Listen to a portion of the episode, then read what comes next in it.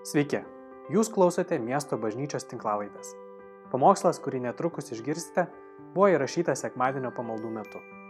Meldžiame Dievo, kad Jis kalbėtų jums per šį pamokslą. Sveiki, brangieji, džiaugiuosi, kad vėl galiu kalbėti jums, su jumis iš Dievo žodžio. Man atrodo, kad šitas laikas labai geras būtent šitai pamokslų serijai, netgi stebiausi praeitą kartą, praeitą sekmanį kalbėdamas Vilniuje, tai yra tarp kitko, kur aš gyvenu jau keturis metus ir e, jeigu kas nepažįstat mane, mano vardas Bogdanas, e, prieš tai aš gyvenau Klaipėdoje ir miesto bažnyčia yra mano pirma bažnyčia, kur aš atvažiavęs iš Moldovos, būdamas LCC studentas, įtikėjau, daug žmonių prie to prisidėjo, tai yra man labai brangi vieta. Ką aš darinausi Vilniuje, truputį sakiau apie tai, kad e, manau ypatingas laikas kažkoks. Dievas atrodo tą patį žinę išryškina man asmeniškai, mano žmonai, e, kalbuosiu su žmonėm bendruomeniai, atrodo jiems, sako Dievas, irgi tą, pat, tą pačią žinę komunikuoja. Ir mes skaitom šitą laišką korintiečiams, kur realiai pagrindinė mintis yra meilė. Pagrindinė Pauliaus apaštalo mintis yra mylėkit vienas kitą.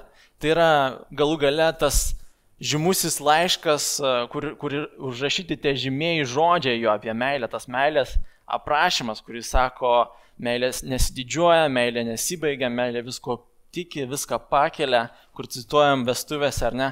Ir taip pat ten pat yra ir tie žodžiai apie tai, kad, e, sako, jeigu aš neturiu meilės, o turėčiau kalbėčiau angelų kalbomis, daryčiau bet kokius stebuklus, turėčiau visą pažinimo pasaulį, bet neturėčiau meilės, aš būčiau tik e, varis skambantis ir cimbolas. E, žodžiu, mano gyvenimas būtų taip ir pasibaigė tas, tas garsas kažkur. Tai aš nesiskaityčiau Dievo karalystėje, turėdamas visas stebuklingas galimybės, visus ypatingiausius e, dvasinės dovanas, bet neturėčiau meilės. Korintiečių problema buvo išdidumas. Ir e, atsakymas išdidumo, jis sako, meilė. Hei, mylėkit vienas kitą. Ir man atrodo, šito pokyčių laikų mums kaip bendruomeniai ir pasauliui kažkaip Dievas atrodo ypatingai išryškina būtent mylėkit vienas kitą, nes yra daug priežasčių, ypatingai kai mes keičiam formatą, kažkokį daugelis nesupranta, kodėl, daugeliu atrodo, nereikalinga, teisingas formatas yra kitoks. Man atrodo, ypatingai šito laiku mums reikia prisiminti tą žinią, kad galų gale paskutinę dieną Dievas mus klaus ne apie, ar jūs teisingą formatą pasirinkot, ar, ar jūs žinojot teologiją teisingą ir atkovojot savo tiesą, jis klaus mus, ar jūs mylėjot vienas kitą, ar tu mylėjai tą žmogų, už kurį aš pasiaukojau. Taigi pažiūrėkime, atsiverskit aštuntą skyrių korintiečiams laiško pirmo. Mes paskaitysim, kas vyko Korinte. Truputį konteksto. Tarp jų vyko šitas laiškas korintiečiams, tarp kitko, neturi kažkokios ypatingos struktūros, tokios loginės. Pradžioje iki šeštos skyrio jis atsakinėja, paliečia problemas, kur tiesiog išgirdo iš žmonių, kas jam papasako, hei, Korinto bažnyčioje vyksta ten svetimavimas, vyksta tą ir tą nuodėmę, jie yra pasidalinę, didžiuojasi skirtingais mokytojais. Ir pradžiai šitas problemas paliečia ir mes apie tai kalbėjom. Po to nuo septintos skyriaus jis paliečia tiesiog tokius klausimus, kuriuos korintiečiai, matyti, yra parašę jam laišką prieš tai, septintam skyriui, pirmoji lūtė, jis sako, apie tai, ką jūs man rašėt, Žiūrėkime, kaip jis tiksliai, tiksliai sakė. Atsakau jūsų laišką. Gerai daro vyras nesiliesdamas moters. Tai yra, jie parašė jam, lai, jam laišką su tam tikrais klausimais. Sako, kaip ten dėl, uh, kaip ten dėl uh, vedybų ir santokos. Jis atsako šitą klausimą septintam skyriui. Aštuntam skyriui jis matyt atsako kitą klausimą. Jie sakė, o kaip dėl uh, stabams paukotos mėsos? Jis sako, uh, Aš to jums pasakysiu, jis sako, bet pradžioj turbūt reikia paaiškinti, palauk, okei, okay, apie, apie tai buvo pradžioj apie, apie santoką, tai viskas aišku, aš irgi turiu klausimų apie santoką, bet prie ko čia mes apaukota stabams. Tai reikia suprasti, kad Korintas, pirmas amžius, tu eini per senamestį ir čia yra viena šventykla, vienam dievui, čia yra kita šventykla, kitam dievui. E, kiekvienas turi savo pasirinkęs kažkokį dievą. Ir mesa ar maistas paukotas tabams buvo tiesiog normali dalis to gyvenimo jų, kasdienio, kasdienio gyvenimo. Pažiūrėkim, trumpai pasakysiu, kur galima buvo, būtų sutikti tą, susidurti su tuo maistu. Tave galėjo pakviesti į šventę. Religija ir, um, ir gyvenimas, arba ten valstybė, ar socialinis gyvenimas nebuvo atskirti, viskas buvo kartu. Tau pasisekė, tave reiškia Dievas kažkaip tai, tu patikai tam Dievui, kuriam tarnauji. Tau nepasisekė kažkaip, kažkas reiškia, tu supykdai kažkaip tą Dievą. Tai tave galėjo pakviesti į ten vaiko gimimą, ateik į mano Dievo šventyklą, mes paukosim maistą ir tada iš to pačio paukoto maisto mes valgysim kartu. E, archeologai yra netgi atradę e, tą vieną iš šventyklų tų Korinto mieste, Asklepijos Dievui. Galbūt jeigu mes čia turėsim technologiškai galimybės, aš turiu tokių keletą nuotraukų, tų radinių, galbūt įmontuosim, bet realiai ten matosi tose likučiuose tos šventyklos trys tokie kambariai, kur galima buvo tiesiog išsinuomoti savo šventį, toks kaip restoranas. Tu paukoji labai patogu ir eini į tą kambariuką, kur išsinuomavai ir ten valgai su savo draugais, šventi ar vaiko gimimą, ar galbūt uh, laidotuvės, galbūt kažkoks tai laimėjimas darbe, galbūt uh, kažkoks pasisekimas vėlgi. Ir taip pat radom ir pakvietimų, kad sako, tas ir anas kviečia tą ir aną, tą ir tą valandą į to ir to Dievo e, šventyklą, tą ir tą kambarį, švesti tą ir aną. Žodžiu, tai buvo tiesiog socialinio gyvenimo dalis. Tave galėjo pakviesti į namus, kur irgi buvo uh, stabams paukota mėsa vakarienė, nes tavo draugas, kuris yra vis dar pagonis, tu esi tikintis, bet jis dar pagonis, uh, jis buvo prieš tai šventykloje, paukojo ir liko mėsos ir jis parašė ir sako, davai ateik pas mane vakarienės. Po to dar buvo galimybė turgui pirkti to maisto, nes tu įsivaizduok, paukoji visą aviną, tavo šeimai tiek nereikia, kažkiek reikia kunigui atiduoti, bet visą kitą tu parduodi turgui. Arba parduodi žmonėm, kurie parduoda toliau turgui.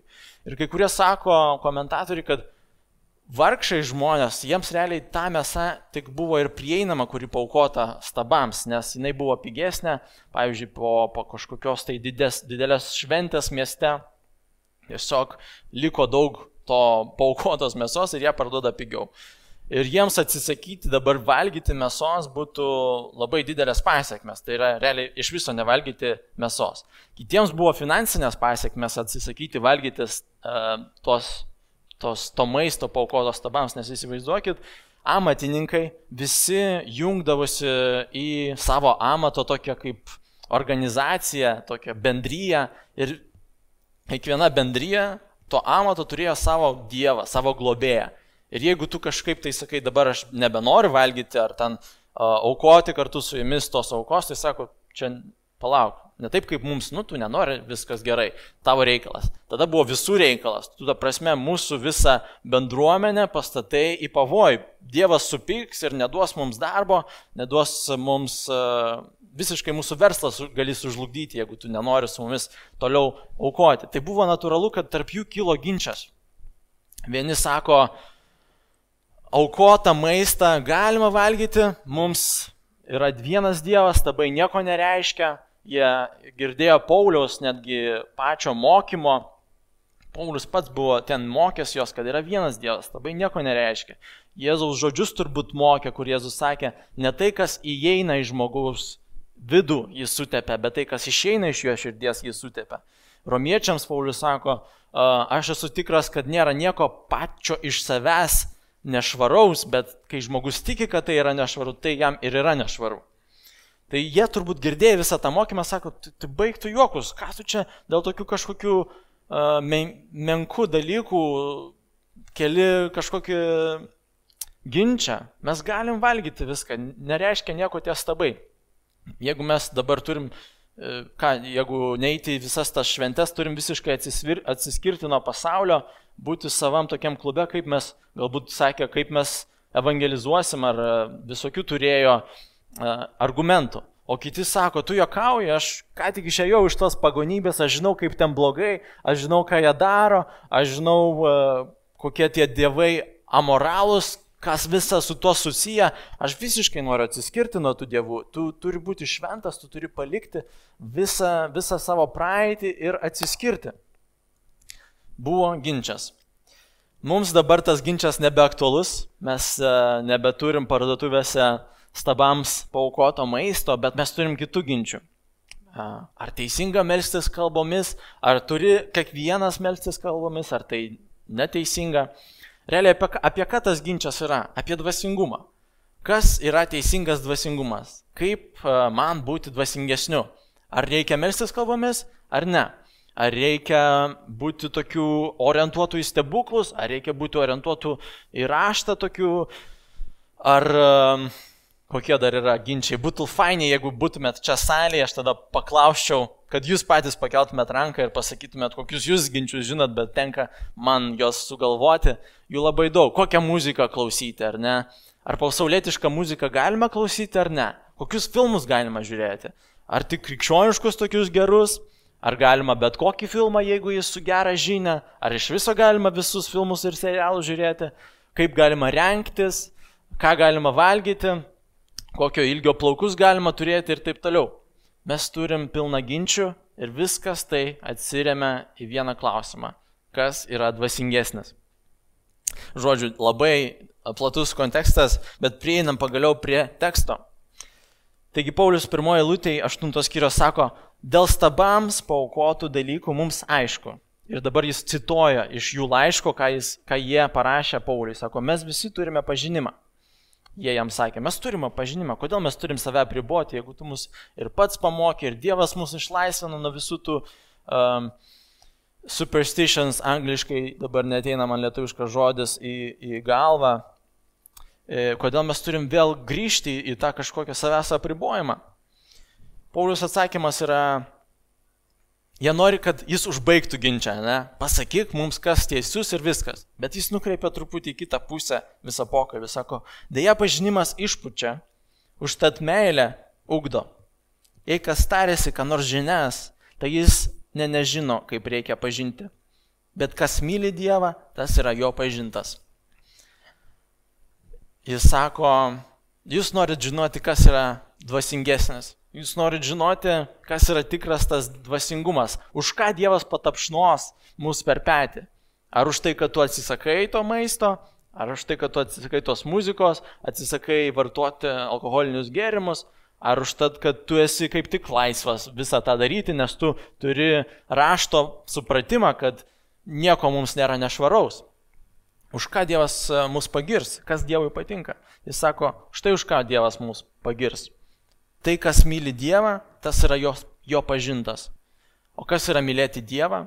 Mes turim grįžti į, į, į kitas rašto vietas, kaip uh, Jėzaus pokalbį su mokiniais, Jono uh, nuo 12 iki 15 skyriaus, kur jis nuplauna jiems kojas, kur jis sako, jūs norit vadintis mano mokiniais, reiškia, turit daryti tą patį, ką mokytojas darė. O mokytojas, būdamas karalius, pasidarė vergu, nes vergai plovė kojas uh, svečiams. Jis užėmė tą vergo vietą, patarnavo tiems, kurie jam turėjo tarnauti.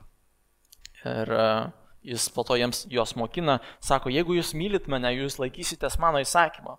Ir toliau sako, mano įsakymas yra mylėti vienas kitą. Jis dar kartuoja, duodu jums naują įsakymą, mylėkit vienas kitą. Kas mane myli, laikysis mano įsakymo, o mano įsakymas yra mylėti vienas kitą. Tai yra mylėti Dievą ir mylėti brolį yra du neatsiejami dalykai. Yra tokia gesmė, kuri man patinka angliškai, vadinasi I just want to move your heart.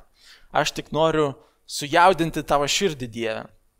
Ar kada nors jautėsi taip, kad, nu, vat, Dievas mane taip palaimino, Dievas mane taip pamilo ir aš kažkaip noriu Dievui patikti, noriu sujaudinti jo širdį, noriu, kad jis pataš, patapšnotų man per petį. Tai normalu yra. E, man labai surezonuoja ta gesmė ir tas autorius sako, tai kasgi yra tas dalykas Dieve, kuri jaudina tavo širdį. Ar tai yra gesmė? Tada aš išliesiu visas giesmės, kurias žinau. Ar tai yra koks nors kvapas, tada aš išliesiu savo aliejų, ar tai yra mano gyvenimas paklotas tau po kojom, tada aš duodu tau savo įžadus. Ir aš klausydamas, klausydamas, klausydamas, ir dabar šitas pamokslas, galvoju, noriu jaudinti Dievo širdį, štai kaip, mylėk savo brolį.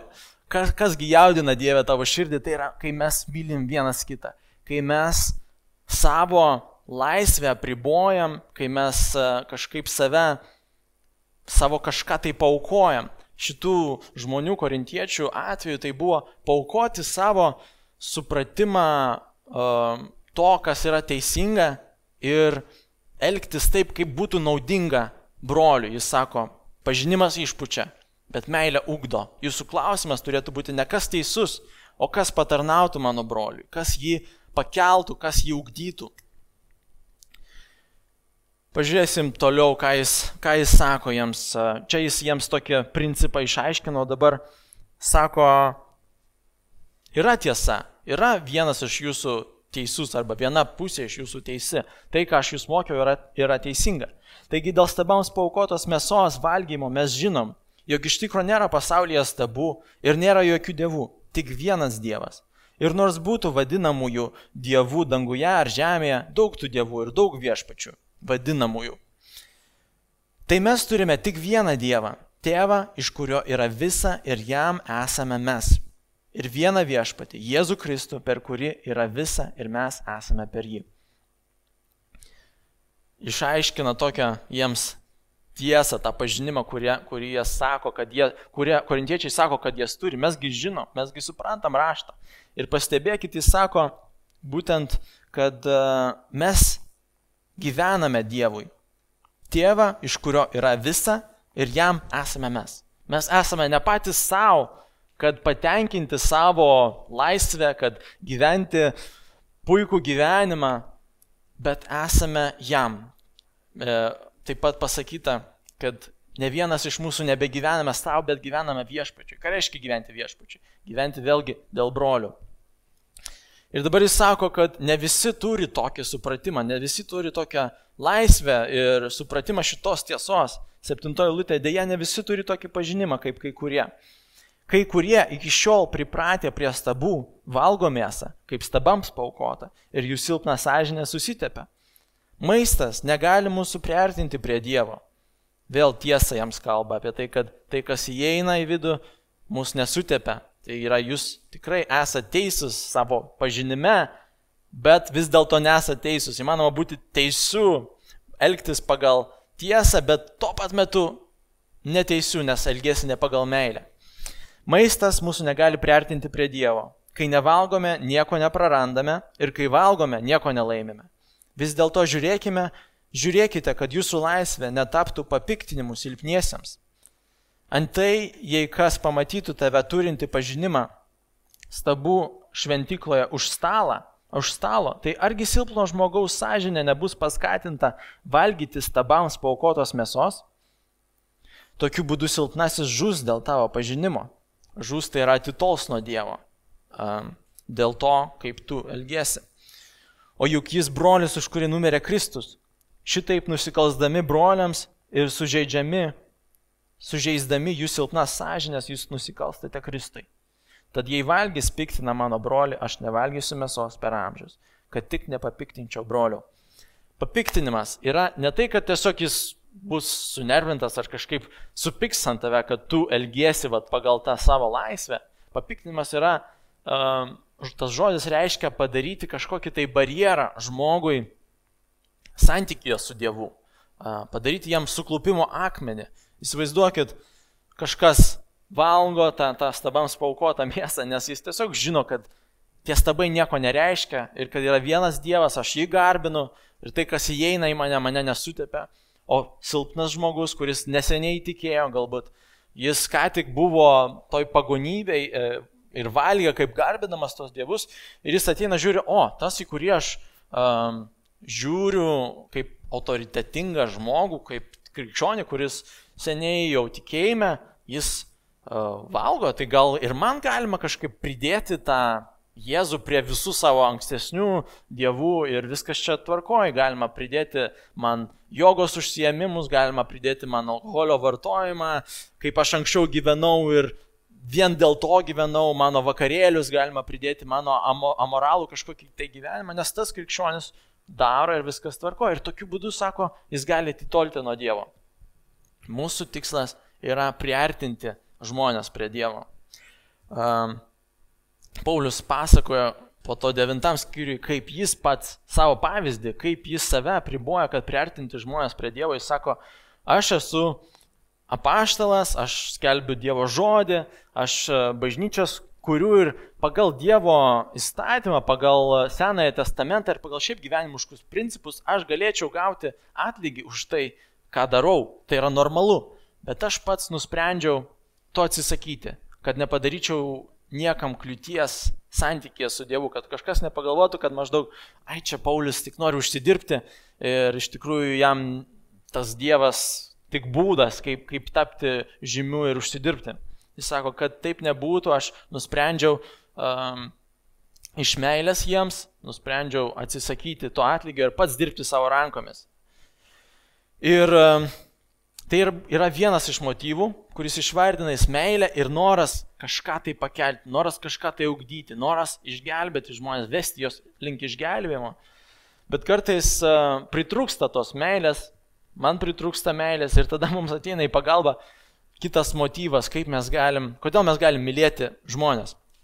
Paulius sako, kad jis dar tai daro, jis sako, man verčiau būtų numirti, vietoj to, kad kažkas atimtų iš mane tą pagirimą mano, kad aš vad skelbiu Evangeliją nemokamai, kad aš tarnauju nemokamai. Sako, jeigu aš tarnaučiau mokamai, viskas būtų gerai, bet jokio pagirimo iš Dievo aš negaučiau, jokio uh, turto danguje aš nesukaupčiau. Ir jis taip labai padidina tą, hiperbolizuoja, sako, man geriau numirti, aš taip branginu tai, ką aš užsitarnavau, uh, tokiu būdu, vad, apribodamas savo laisvę, kad verčiau e, būčiau iš viso, aš noriu, kad tai būtų, aš noriu likti taip ir niekas iš mane ten neatima tai. Taigi, kita motivacija - mylėti brolį - yra Dievas viską pastebė.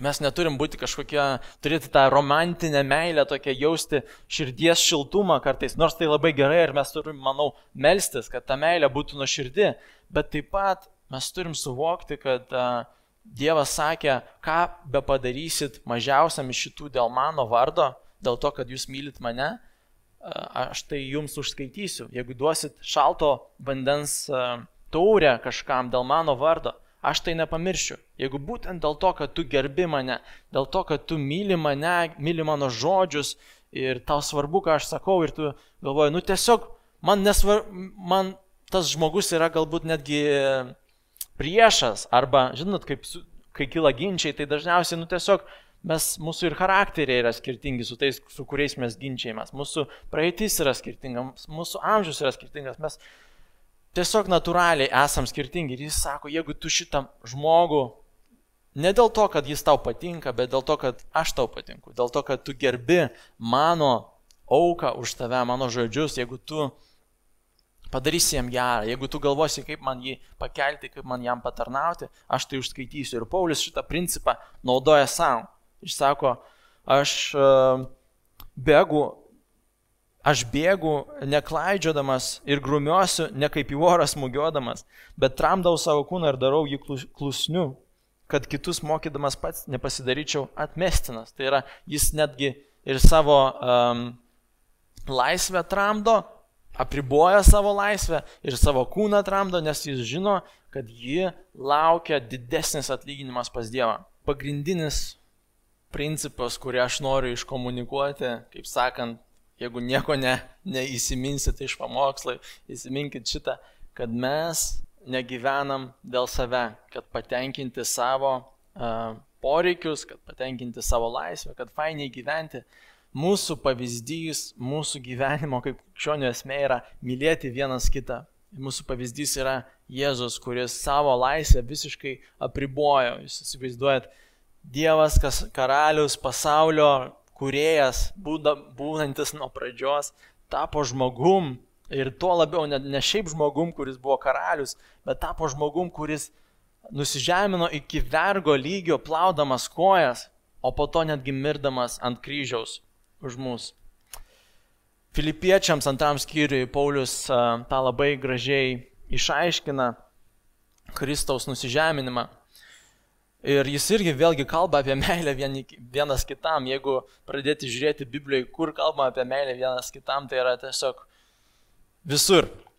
Antram skyriui jis sako, taigi jeigu esame Kristuje paskatinimo, meilės pagodos, jei esame bendrystės dvasioje, naširdumo ir užuojautos, tai padarykite mano džiaugsmą tobulą, laikydamėsi vienos minties, turėdami vienokią, uh, vienos minties, turėdami vienokią meilę, santaiką ir sutarimą.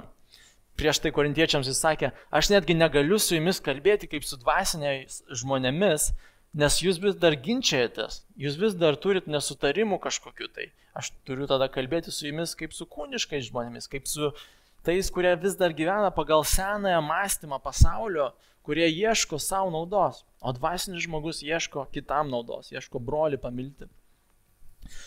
Toliau jis sako, tegul nelieka vietos vaidams ar tuščiai puikybei, bet nuolankiai vienas kitą laikykite aukštesnių už save. Ir žiūrėkite kiekvienas ne savo naudos, bet kitų. Šitie žodžiai gali labai pjauti pradžiai, jeigu, jeigu mes gyvenam dėl, dėl save, ieškom savo naudos. Tai yra natūrali mūsų standartinė būsena. Ir prie šitos minties reikia įprasti ir melstis, kad Dievas tikrai suminkštintų mūsų širdis, nes aš pats iš savęs neįsivaizduoju, kaip įmanoma gyventi ne dėl save. Ir turim tikrai prisipažinti, kad vis dar gyvenam dėl save. Atsiprašau, kad taip šokinėjo, bet labai įdomu tam pačiam antram skyriui, jis sako apie Timotiejų. Um, jis sako apie Timotiejų, kad tikiuosi jį atsiųsiu pas jūs, pas filipiečius, 21 eilutė, nes visi kiti ieško Jėzaus, bet je, ne Jėzaus Kristaus, bet savo naudos. Sako, neturiu kito pasiuntinio, kuris taip nuoširdžiai jumis, jumis rūpintųsi. Visi kiti ieško ne Jėzaus Kristaus, bet savo naudos netgi tarp Jėzaus, e, Pauliaus mokinių, kurie buvo, atrodo, tokie dvasiniai, turbūt dvyriai, misionieriai, sako, neturiu tokių tarp, tarp mano misionierių, nėra tokių, kurie rūpintųsi kitais, visi ieško savo naudos. Timotėjus buvo išimtis, tai jeigu Timotėjus buvo išimtis, tai ir mes esam toli nuo to, bet e, tai, todėl sakau, kad turim mestis, tai yra Dievo malonė, kai mums pavyksta judėti link to gyvenimo dėl kito po truputį.